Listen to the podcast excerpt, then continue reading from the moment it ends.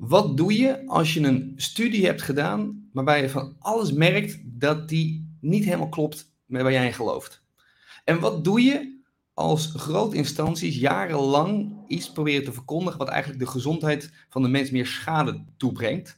En wat doe je nou als je zo'n grote missie hebt dat je merkt dat je het niet alleen kan doen? Welkom bij een nieuwe aflevering van The Road to Passion. De podcast die niet gaat over het succes dat mensen bereiken, maar met name de weg naartoe en de obstakels die ze overwinnen.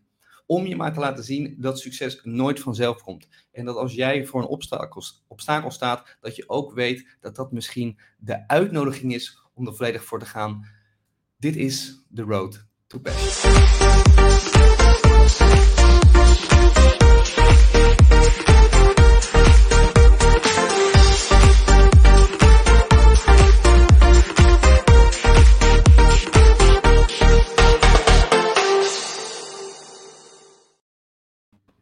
Yes, en Ralf is bij ons uh, aangeschoven. Uh, Ralf heeft meerdere boeken geschreven over gezondheid. Hij is de oprichter van de Hormoonfactor.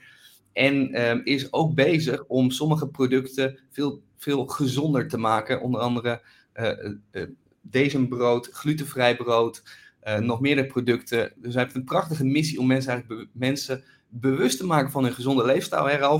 Om vervolgens een beter alternatief te bieden. Yes.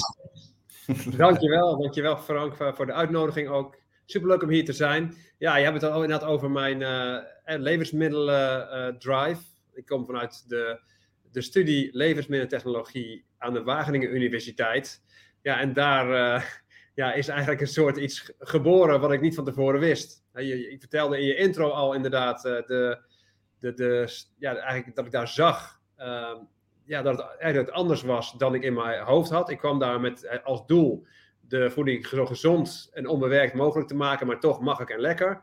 En vervolgens bleek daar eigenlijk bijna geen belang voor te zijn of geen, geen vraag naar te zijn. En ja, wat er dan vervolgens daar ook, ook gebeurt, daar stond ik al lang niet meer achter eh, toen ik bezig was.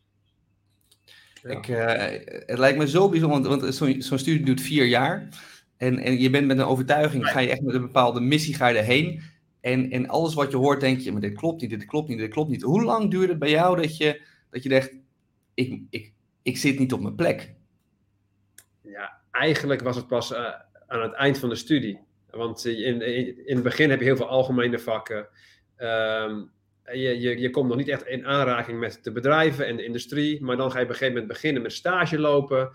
En dan kom je wel langs bij deze bedrijven. En dan kom je erachter dat uh, ja, heel veel producten dat het gaat om bijvoorbeeld patenten aanvragen of octrooien. dus als je iets uh, um, wil maken wat de concurrent niet ma mag maken, dan moet, je, moet je iets doen wat buiten de natuur gaat. Want je kunt geen uh, octrooi of patent aanvragen op, op iets natuurlijks.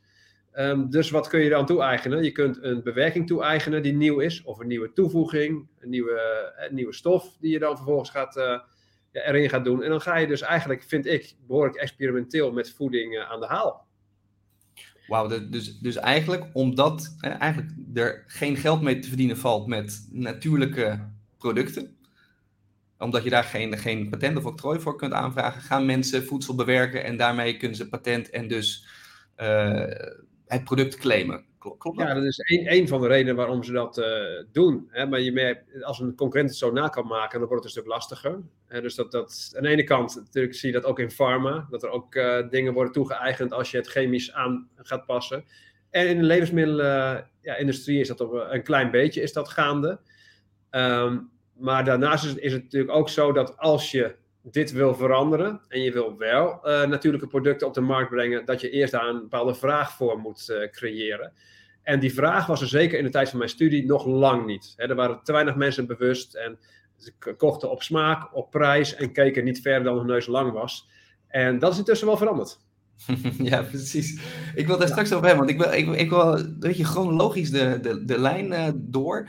Met name wat ik altijd vraag me in, in, deze, in deze podcast is, is: wanneer voelde jij het voor het eerst die passie? Dat je echt voelde van: hier staan we iets te doen, ik wil hier induiken, ik wil ik voel me zo bevlogen hierover. wanneer was voor jou dat moment? En, en, en, hoe zou je jouw passie omschrijven misschien wel? Nou, eigenlijk de, de, de passie is als kind al geboren. Mijn, mijn vader nam me mee naar de dierentuin en die uh, legde me uit hoe dieren in balans kunnen blijven in een, uh, in een verschillende omgeving. Onder water, boven water, in boomtoppen. Ze kunnen op allerlei plekken zich aanpassen en overleven. En mijn vader was toen uh, biologieleraar en die kon dat heel leuk, leuk vertellen. En daar begon eigenlijk mijn logica voor gezondheid al. Logisch leven volgens de natuur, dat zaadje is daar eigenlijk al geplant. En van daaruit was ik zelf al intrinsiek gemotiveerd om logisch te leven. En dat was vanuit preventie. Ik had zelf geen overgewicht, geen klachten, noem maar op. En, en zeker tijdens mijn, uh, na, na, mijn puberteit, toen ben ik ook steeds meer gaan sporten. Uh, ik heb allerlei sporten gedaan in mijn, in mijn leven. En daar paste ook gezonde voeding bij en, en de rest. Dus de, ja, ik ben denk ik uh, de kleine groep die intrinsiek gemotiveerd is om uit, vanuit preventie te werken. En dat wilde ik in mijn studie dan ook door gaan zetten. Want ik vond de voeding nog uh, ja, in de supermarkt, het viel mij tegen qua gezondheid. En dat wilde ik verbeteren. Dus ik dacht, als ik daar kom, dan ga ik dat, ja, daar alles over leren. Ik ga dingen bedenken. En vervolgens ben ik heel erg welkom. Maar dat, dat was ik op dat moment dus niet. En, en, en, was je toen ook al wat aan het rebelleren? Merkte je op een gegeven moment dat je te vaak de dingen de discussie stelde? Dat de leraren of dat de bestaande orde daar een beetje, een beetje moeilijk over ging doen? Merkte je dat? Um, nou, ik merkte vooral dat de weerstand kwam tijdens mijn stages, want, want daar kom je natuurlijk kom je in aanraking met de industrie. En, en, en in mijn studie zelf, dat zijn gewoon hè, de docenten die bepaalde vakken geven, die hebben daar geen belang bij. Dus, de, dus daar kon ik eigenlijk daar wat, uh, wat vrijer over spreken. En heel veel docenten hadden zelf ook zoiets van, ja, ik snap niet waarom dingen uh, niet anders gedaan worden. Dus, dus dat was een, uh, ja, een, een, een thema. En ik merkte wel van dat, dat ik toen ik meer in de industrie terecht kwam, dat ik daar allerlei dingen zag uh, gebeuren. En ik vind dat dan experimenten met onze gezondheid, hè, dingen buiten de natuur. Um, maar ook dat ze allerlei gezondheidsclaims op dingen gingen zetten. En zeker in de tijd dat ik mijn studie deed, dan gingen ze een heel ongezond product gezond verklaren door er vitamine C in te, stoppen en te zeggen het is goed voor, voor je weerstand. En toen is ook een, eigenlijk een klein beetje frustratie begonnen. dus ik werd sowieso een beetje afgewezen bij die stageplekken om mijn uh, mooie producten te gaan maken. Da daar was geen vraag naar. Daarnaast zag ik uh, ja, ook dat er best wel wat bedrog was en dus misleiding in die, in die wereld. En dan, dan begin je eigenlijk een klein beetje gefrustreerd. En ik zie ook door de jaren heen, in de, zeker mijn social media post of op de manier waarop ik mijn boeken schrijf, dat het toen best wel als rebel was. En later is dat steeds verbindender geworden eigenlijk. Ja, ja. Dus, dus, dus het begin, ik, ik kan me voorstellen dat je dat uh, op een gegeven moment tactischer gaat aanpakken. Dat je merkt dat je niet in je eentje die enorme nou ja, uh, uh, industrie verandert. Dat, dat, dat het op een, een andere manier moet gaan. Um, wat, leg maar eens even uit in die, in die stageperiode. Want, want passie ontstaat vaak ook uit frustratie. Dat je zo frustreert dat je denkt, dit kan anders. Ja. En heel veel mensen die nog op zoek zijn naar hun, hun, hun passie. Nou, dit is een mooie vraag wat frustreert je heel erg en doe er wat anders voor.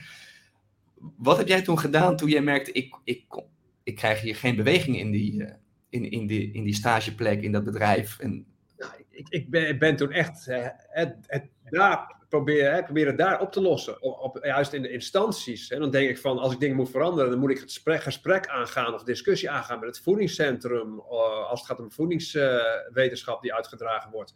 En binnen bedrijven ja, moet ik ook het gesprek aangaan met de directeur, dit, directeur, dat. Alleen dat zijn juist uh, de figuren die niet op mij zitten te wachten.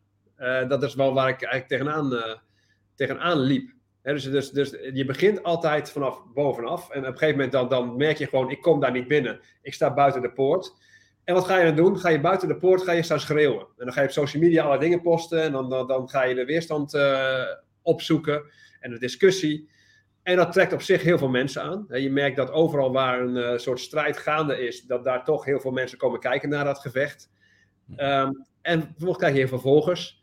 En ik merk dat dat, uh, lang niet altijd de volgers waren waar ik naar zocht. He, want het kan ook zijn, je trekt aan de ene kant mensen aan die echt mijn, mijn intrinsieke motivatie hebben, die hetzelfde hebben, dezelfde missie.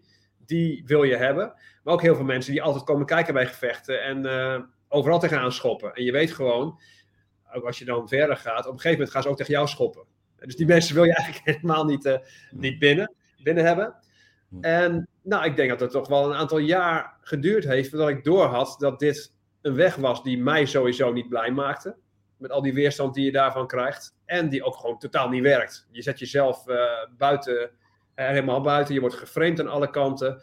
Ehm, wat wordt je, dat zie je natuurlijk ook in de politiek nu heel veel. Het gaat bijna alleen maar om frames uh, plakken op elkaar, in plaats van over de inhoud hebben. En ik kreeg natuurlijk het uh, hele populaire frame op dat moment, dat was het frame voedingsgoeroe. En dus dat zag je overal. Ralf is een voedingsgoeroe. Het voordeel daarvan was, als jij een stempel krijgt als voedingsgoeroe, dan ga je media halen. Want dan hebben ze het oude concept. En ze gaan de professor die het meest ouderwetse advies heeft tegenover de voedingsgoeroe eh, zetten. Dat klinkt positief. In ja, dat, dat, dacht ik. Ik denk, nou, kom maar op, we gaan een discussie aan, we gaan het over de inhoud hebben. Nee, wat gebeurt er vervolgens? Ralf Moorman wordt geïnterviewd, zonder de professor. Um, dat wordt later, wordt de professor onafhankelijk van mij geïnterviewd, wordt na mij gezet, om vervolgens wat ik gezegd heb onderuit te halen. En hij heeft het laatste woord. Dat is wat je krijgt. Oh ja, maar dit zie je natuurlijk ontzettend vaak gebeuren, nu ook. Uh, en, en... Job, dat blijft zo gewoon. Ik heb het idee dat, dat, dat, dat er zeker in de laatste twaalf jaar dat, dat ik hiermee bezig ben, uh, is er gewoon uh, niks veranderd. En het, het is ook zo, als jij geen frame opgeplakt krijgt, je bent geen voedingsgoeroe en je bent heel genuanceerd in je uitspraken, dan weten ze totaal niet wat, je, wat ze met je moeten. Want je hebt of de ouderwetse professor die onderdeel is van een grote instantie, het voedingscentrum of het universiteit dit of dat, en degene die, die, die voedingsgoeroe die we daar geframed hebben, dat laat je met elkaar vechten. Maar als je daar heel genuanceerd tussenin staat, pak je nul media. En dan merk je gewoon van, oké, dan gaat mijn concept ook geen aandacht krijgen. Dus het is heel dus lastig. Het is, het is een beetje ja, je, er is eigenlijk geen tussenweg. Als je. In het begin niet. Als je de binnen wil komen en je wil inderdaad succesvol worden met nieuwe boeken en nieuwe visie, dan moet je dit hebben. Anders dan, dan kom je er gewoon niet. Het is gigantisch stressvol. Um, hè, want het is ook zo, zeker als je media haalt. Uh, je bent op zoek naar ja, misschien 10% van, van Nederland die eventueel wat interesse in mijn visie zou hebben en de motivatie heeft. En 90% die wil helemaal niet veranderen en die wil helemaal niet gezond uh, leven volgens Ralf Moorman. En die uh, krijg je tegen je. Dus, maar die zie je dus ook. En het mooie is als je op een gegeven moment vanaf daar de pareltjes uh, eruit gaat, gaat halen. Je gaat een nieuwsbriefsysteem opstarten en die mensen gaan je volgen. Dan wordt steeds groter en groter. Dan merk je dat je niet meer die 90% op gaat zoeken die niet bij je past. Maar dat je vanuit je bestaande groep probeer je je community groter en groter te maken. Tot je op een gegeven moment beseft van, ik wil die media niet meer, want ik wil gewoon met, over inhoud hebben. Ik wil genuanceerd mijn verhaal kunnen vertellen. Ja, en dan uh, ja, zit je daar weer, uh, eigenlijk waar ik nu zit. Het is eigenlijk een veel leuker, leuker moment waar ik nu zit dan, dan toen. Alleen, ik had het niet anders kunnen doen. Als ik genuanceerd begonnen was en niet de, dus de, het schuren had gehad tegen al die instanties, noem maar op, dan had ik het gewoon niet gered met hormoonfactor. Hmm. Nee, en dat is misschien ook wel waar, eh, met name als mensen voor zichzelf willen beginnen, dan is toch dat die statement innemen is soms essentieel om gewoon, ja, anders, kom je gewoon ook om in de grijze massa die allemaal ergens tussenin zitten. En juist zo'n statement neerzetten en dan maar eventjes um, dealen met de, de kritiek die je dan krijgt, dat is soms essentieel om gewoon je boodschap over te brengen. En daarna, wat je volgens mij prachtig hebt gedaan, is niet meer focus op die 100% of die 90%, maar die 10% die je wel interessant vindt. Ik weet, ik, ik hoor zoveel mensen die, die willen iedereen altijd te vrienden hebben. Eigenlijk op elke reactie willen ze positieve likes en positieve comments. Terwijl eigenlijk, en dan zijn ze bang voor die paar kritieken. Terwijl eigenlijk, als je geen kritiek krijgt, heb je een niet duidelijk genoeg statement. Klopt of niet? Ja, dat denk ik wel. En ik denk dat je, je begint met je, de beweging en de aandacht is in het begin belangrijker dan de nuance. Nuance komt later. Dat is echt. zo, zo, moet je inderdaad vaak uh, te werk gaan. Alleen, je hebt daar maar wel een beperkte periode voor. Mensen accepteren eventjes dat je niet genuanceerd bent en die, die gaan er doorheen kijken. Maar als je vervolgens nooit tot nuance komt, dan gaat het ze ook tegenstaan. En dan raak je ze ook weer kwijt. Dus je hebt daar een bepaalde opstartfase waarin dat geaccepteerd wordt. Um, en later moet je toch echt naar de inhoud toe. En als je dat niet gaat doen, dan ga je wegvallen ook. Dus, dus je hebt het allebei nodig. Ja, helder. Maar dan heb je in ieder geval een soort community gecreëerd die de inhoud ook waardeert. En, uh, en ook echt naar je luistert. Ja, en, en, wat eigenlijk uh, die community ook nog doet, is ook een onderdeel van mijn missie. Want we hadden het natuurlijk net over uh, hoe kan ik nou levensmiddelenindustrie, of in ieder geval de supermarkt, veranderen dat begint, is echt bottom-up. Het begint bij de vraag vergroten naar producten. En als ik zag uh, aan het begin van mijn studie waar, waar, we toen stonden, ja, ik had geen schijn van kans. En nu kan ik gewoon het gesprek aangaan met die leefmiddelenbedrijven, want die hebben naast hun standaard gepatenteerde producten die er liggen, ook nog ruimte voor, ja, voor, om, om een imago te verbeteren met gezonde producten. En daar is voldoende vraag naar. Dus er liggen kansen. En in feite in de supermarkt, het gaat er mij niet om om die hele supermarkt uh, gezond te maken, maar dat voor mensen die het anders willen, dat het alternatief er in ieder geval ligt in ruime mate. En dat, uh, daar gaan we echt naartoe. Dus ik, heb, ik ben heel positief uh, inmiddels. Ja. Ja, maar dat is natuurlijk een ding, want je, je merkt sowieso bij gro grote corporaties, grote instanties, dat ze soms ook dingen doen puur voor het imago. En er eigenlijk nog niet echt een geloof is, maar ja, omdat het dan ook verkoopt, doen ze dat. Maar jij kiest volgens mij jouw, jouw, jouw leveranciers heel, heel bewust. Ja, en, want en... ik ken er zoveel. Iedereen wil duurzaam zijn, gezond zijn, noem maar op. Maar het is, ik denk in 99% van de gevallen is het window dressing. Meer, als je echt gaat kijken van is het nou echt duurzaam, is het echt gezond, dan, dan, ja, dan schiet je zo gaten in het hele product. Dat, uh, dat zie ik vaak. Alleen de, de consument gaat het ook steeds beter zien. En dus op een gegeven moment hebben bedrijven toch de behoefte van: oké, okay, ga toch met Ralf praten van hè, die, die, die doelgroep die hij bedient.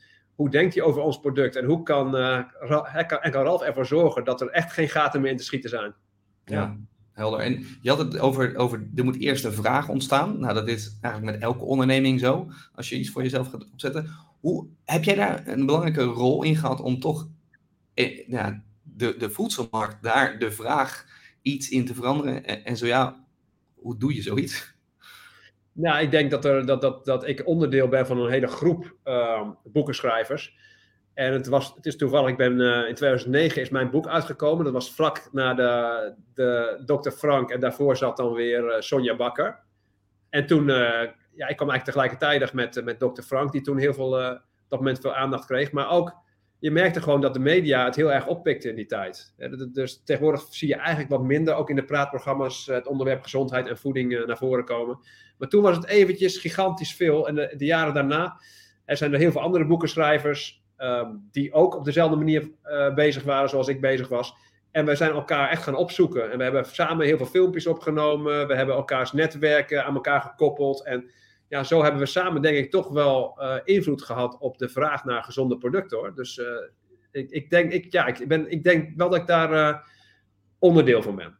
Zeker. Ja, maar je zegt iets zo essentieels, namelijk de samenwerking opzoeken. Dus medestanders opzoeken, zodat je niet die strijd alleen gaat, maar dat je elkaar versterkt. En dat zie je natuurlijk nou ja, toch in, soms in de wereld dat mensen alleen maar individueel en ik en zij tegen de ander. En eigenlijk wat, wat jullie hebben gedaan, nee, laten we de krachten bundelen, want dan gaan we zoveel meer impact maken. En, en dat heeft de ja. spin-off nu uiteindelijk gehad.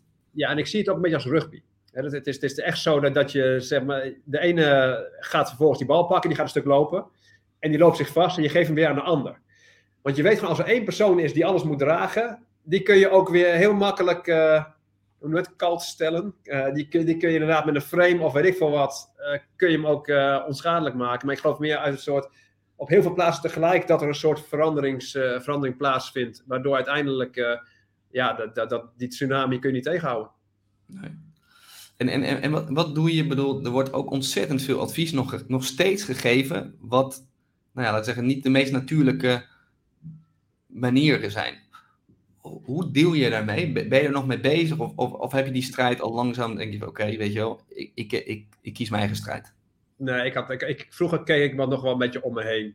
Voor wat, wat, wat post die instantie weer of die. En dan ging ik dan daar nog weer kritiek op leveren. Ik moet zeggen, dat geeft me altijd wel veel, veel aandacht hoor. Die posten worden veel bekeken en, uh, en, noem maar op.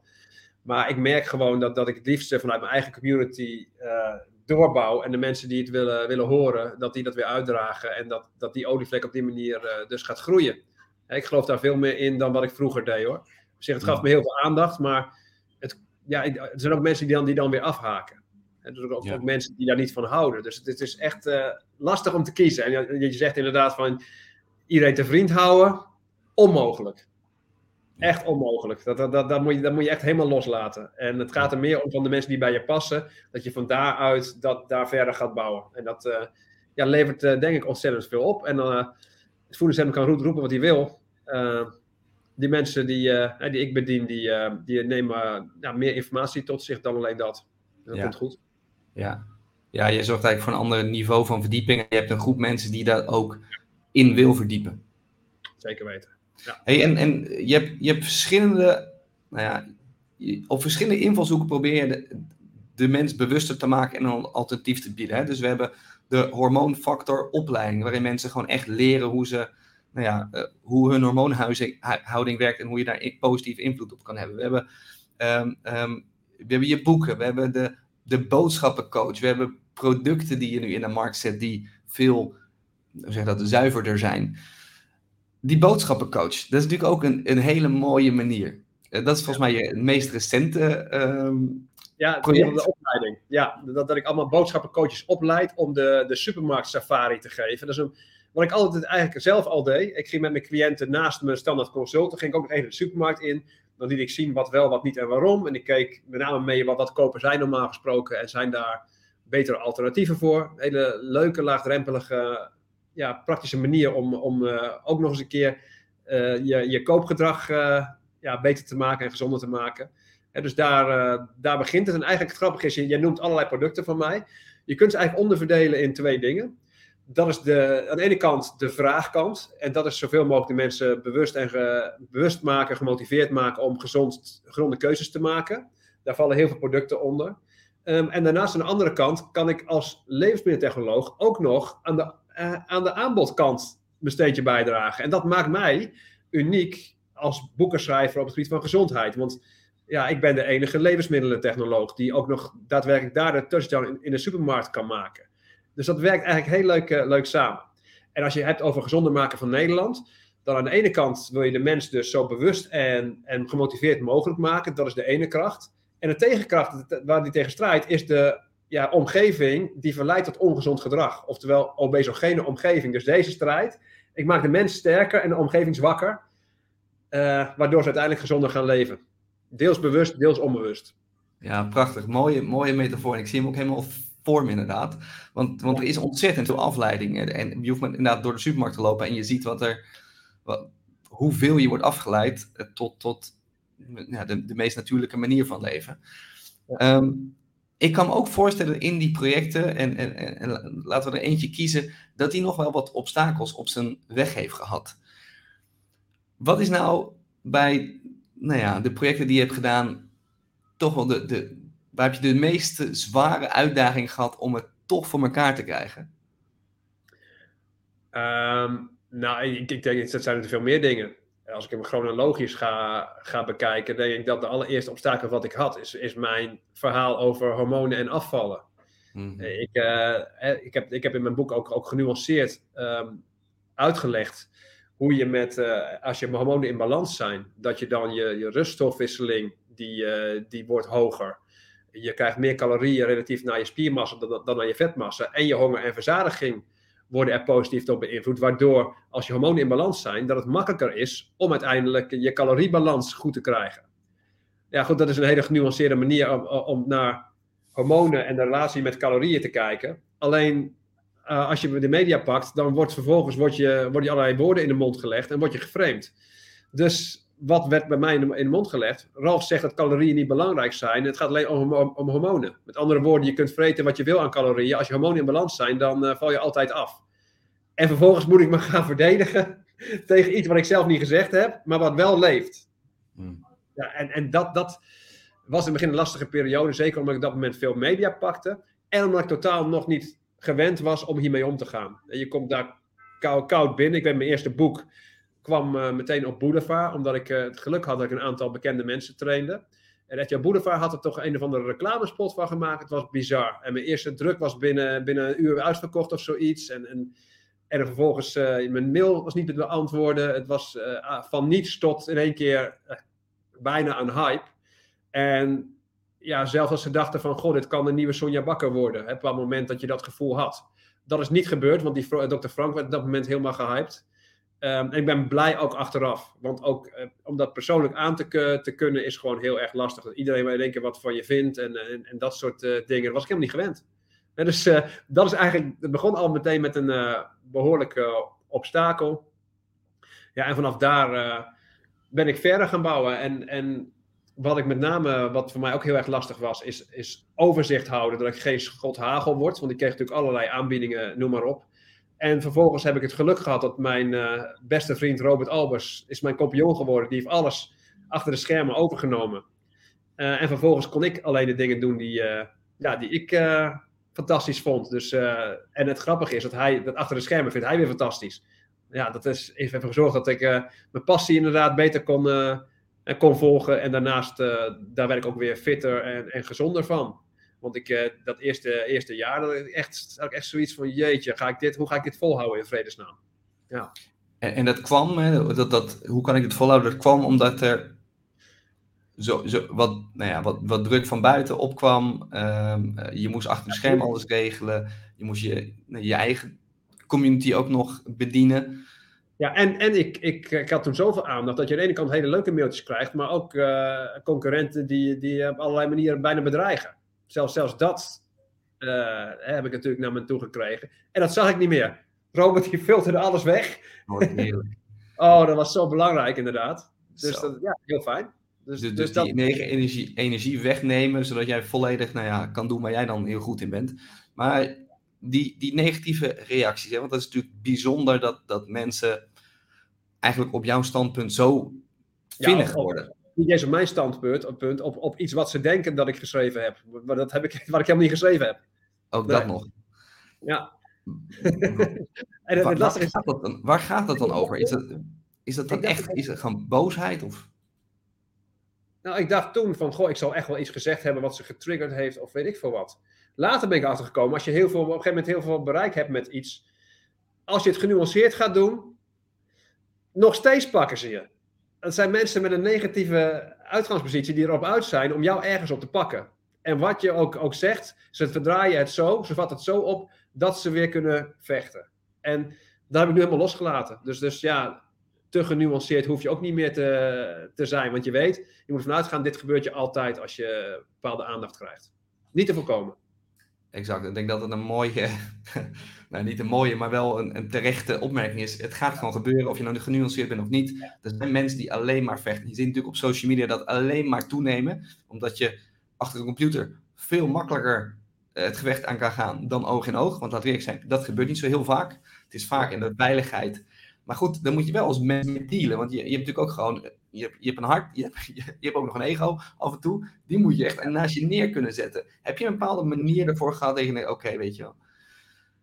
Om dat te accepteren of te omarmen of in ieder geval weg te zetten?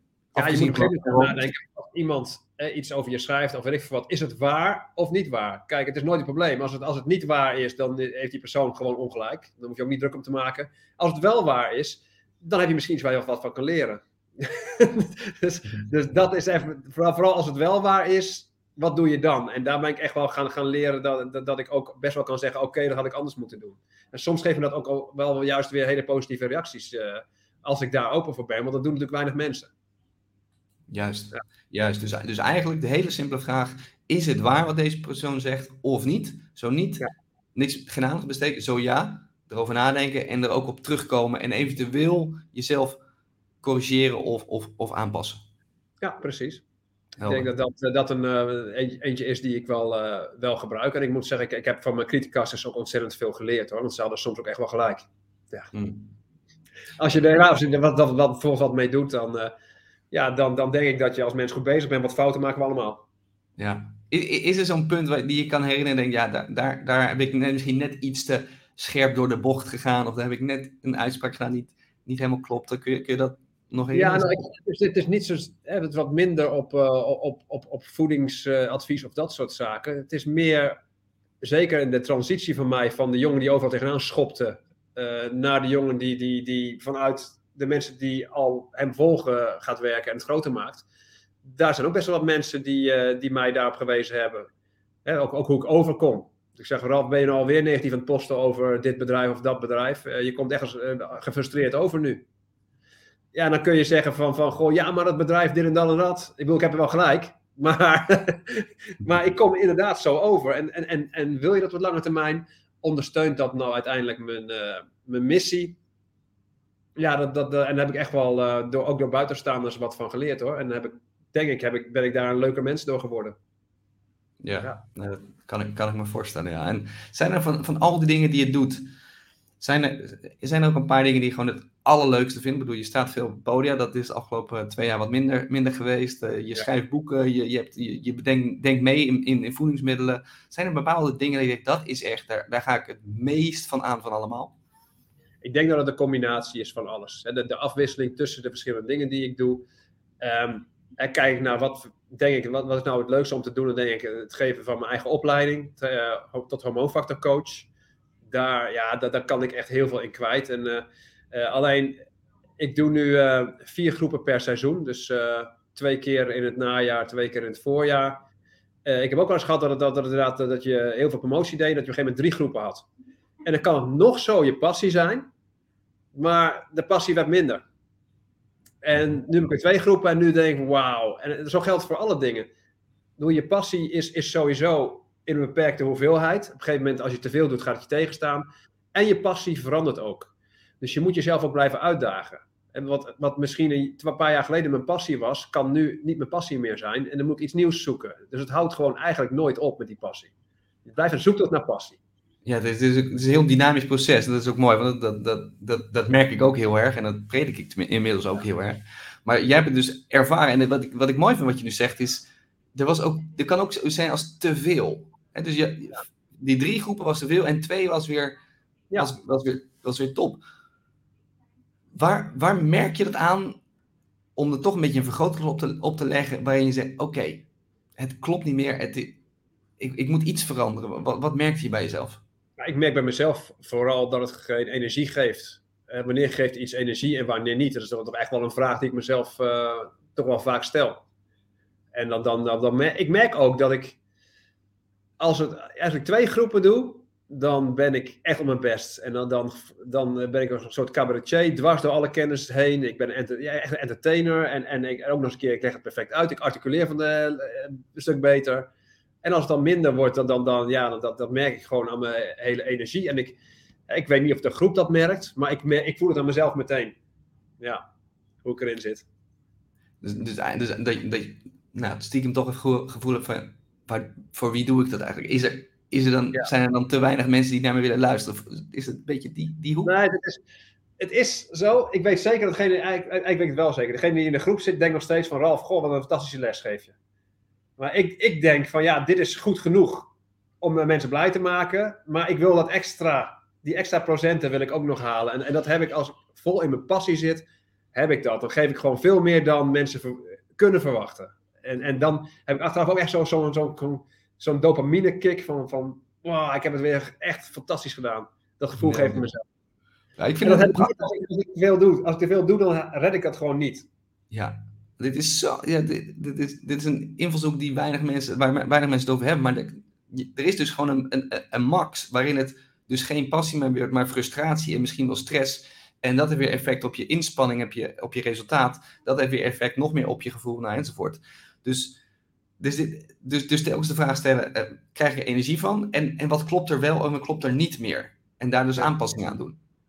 Ja, ja, en daarom met, met zo'n opleiding, je, je blijft iedere keer je, je, je, je sheets aanpassen of dit of dat. Als je dat niet doet, als je, ja, dan gaat het op een gegeven moment minder worden. En dat geldt voor heel veel dingen. Je kent misschien die, die basisbehoeftes van, van leven wel een beetje van Anthony Robbins. Hè? Al die, die dingen die vervuld moeten zijn. Je wil groeien en leren. Je wil uh, uniek zijn, maar ook verbonden. Al die tegenstellingen. Um, je wil ergens aan bijdragen. Je, ja, dat zijn allemaal dingen die... Uh, ja, je wil uitdaging hebben, maar ook controle. En, en dat soort vragen kun je jezelf allemaal, uh, allemaal gaan stellen in het leven. En het je leven verandert.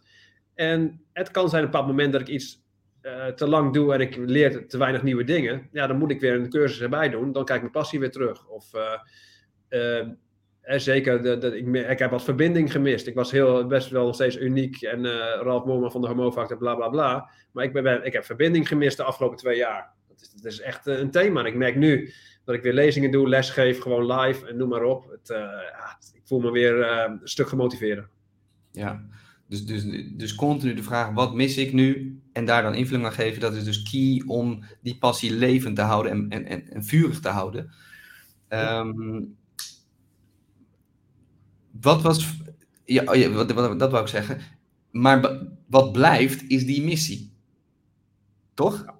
Ja. Dus die, die purpose, die, die, die, dat grotere doel, dat blijft. Alleen de invulling daarvan, dat kan in de tijd veranderen. Ja, ja dat is precies wat je, wat je zegt inderdaad. En, en ja, die echt, echte missie, die, die, daar ligt het, doel, er ligt al wel heel ver weg. dus het moet wel zo zijn dat, dat, dat ja, het liefst dat je een missie hebt waar je heel lang mee vooruit kunt.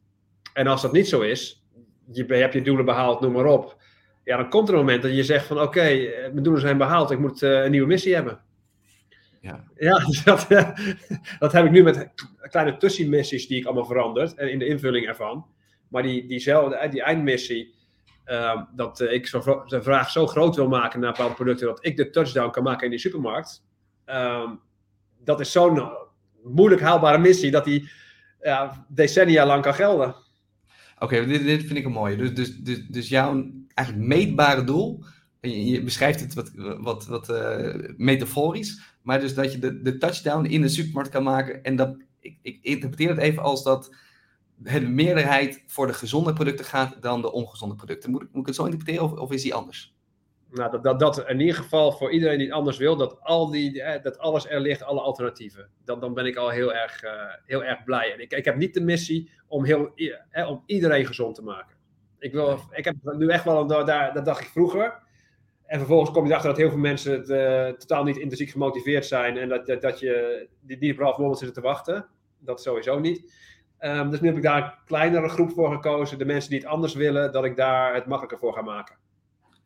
Juist, en dat er dus meerdere producten liggen dat als ze in de supermarkt zijn, dat ze nou ja, eigenlijk een hele dag kunnen, zichzelf kunnen voeden met natuurlijke producten vanuit de supermarkt. Precies. Ja, dat, is, dat, is, geweldig. Als ik kijk naar nu al wat er in tien jaar al veranderd is in de supermarkt, dan ben ik al heel erg blij. Ja. En uh, we hebben natuurlijk nog daar wel eventjes uh, tijd voor nodig. Maar ja, op een gegeven moment heb je dan wil, in het hier en nu heb ik het hartstikke leuk. Ik doe leuke dingen, ik ontmoet leuke mensen. Het is allemaal uh, inderdaad fantastisch. Maar aan het eind wil je toch iets hebben van: oké, dit heb ik toch even bereikt. Ja. En, dat, uh, ja, en daar ook heel erg blij mee zijn. Uh, wat voor mij alleen moeilijk is, is, is blij zijn met het behalen van tussendoelen. Ik heb ook veel te weinig gevierd in mijn leven. Ik heb zeven boeken geschreven. Ik heb zo'n opleiding, ik, opleiding en nog net weer een andere nieuwe opleiding. Product in de supermarkt, wat er al jaren ligt. En er zijn heel weinig feestjes geweest. Hmm. En dan denk ik van, Ralf, waarom ben je er niet, niet gewoon op die tussendoelen en dingen daar heel erg trots op en blij mee en vier dat? Dat is voor mij toch wel een dingetje. En, en hoe komt dat? Want ik herken dat heel erg, maar hoe, hoe komt dat, denk je, bij, bij jou en, misschien bij meerdere van ons? Wat, wat maakt dat? Ja, misschien is dat ook wel een psychologisch dingetje. Hè? Wanneer vind je jezelf goed? Eh, nou, wanneer ben je nou trots op jezelf? En eh, dat, ben ik makkelijker op een ander dan op mezelf. Hmm. Dat, dat is wat ik, wat ik merk. En ik hoor van anderen heel vaak, die vertellen mij uh, ja, dat ik ergens trots op mag zijn. En, die, die zien, ja, en ik zie het zelf dan niet goed genoeg, dus blijkbaar. Maar misschien is dat een bepaalde karaktereigenschap of zoiets, uh, wat uiteindelijk ervoor zorgt dat ik lang volhoud. Ja, nou ja, en, en, en, dat is wel interessant, want ik, ik even, misschien een gek voorbeeld, maar als je iemand helemaal niet hebt gezien en, en, iemand zit in zijn groeifase, dan zie je en hé, hey, wat ben je gegroeid? En zelf heb je geen enkel idee dat je zoveel bent gegroeid. Maar de ander ziet de tussenmomenten en zelf ben je gewoon continu in het proces bezig. Ja, ik had een tienjarig jubileum, toen heb ik een lezing over alle jaren gegeven. En dan, dan pas kijk je terug en denk je, zo, is dat allemaal gebeurd, joh? En, en, zo in relatief korte tijd, eigenlijk. Ja, ja dus dat is zeker uh, het geval. Ik denk dat je gelijk hebt. Ja, wat, wat ik nu zelf merk is dat het dus interessanter is om, om een soort procesdoelen te hebben waar ik dan elke dag mee bezig ben, wat me dan voldoening geeft, in plaats van termijndoelen of, of, of, of eindproductdoelen, wat maar eens in de zoveel tijd is. En dan, dan zou je maar eens in de zoveel tijd iets vieren. En terwijl je eigenlijk als je het proces richt, dan kun je elke dag wel wat vieren. Hoe, ga, hoe ga jij dit nu in de toekomst anders doen? Want je, dit, is een, dit is een thema, je bent er heel bewust van. Jouw kennende ga je er dan ook wat mee doen. Hoe ga je daar, wat ga je daarvoor doen de komende tijd?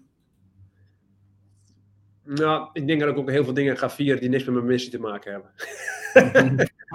ik, was, uh, ik kom net terug uit uh, uh, Hakuna Matata, Tanzania.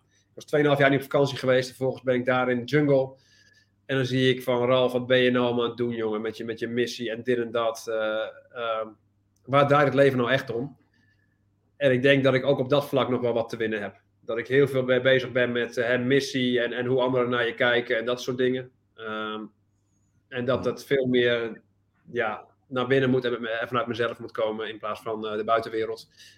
Dus, dus daar is voor mij ook, denk ik, veel, veel werk te doen. Maar dus, dus eigenlijk niet volledig focus op de missie en alles wat er, de, buiten is, eventjes afschermen, maar meer het leven bekijken. En, en de missie is een, maar een onderdeel daarvan. En, en dus mag je heel veel andere elementen Ik heb hem te groot neergezet in mijn missie, waardoor je jezelf soms uh, vergeet. Ja. ja, dat is en een hele Ja. ja, herkenbaar.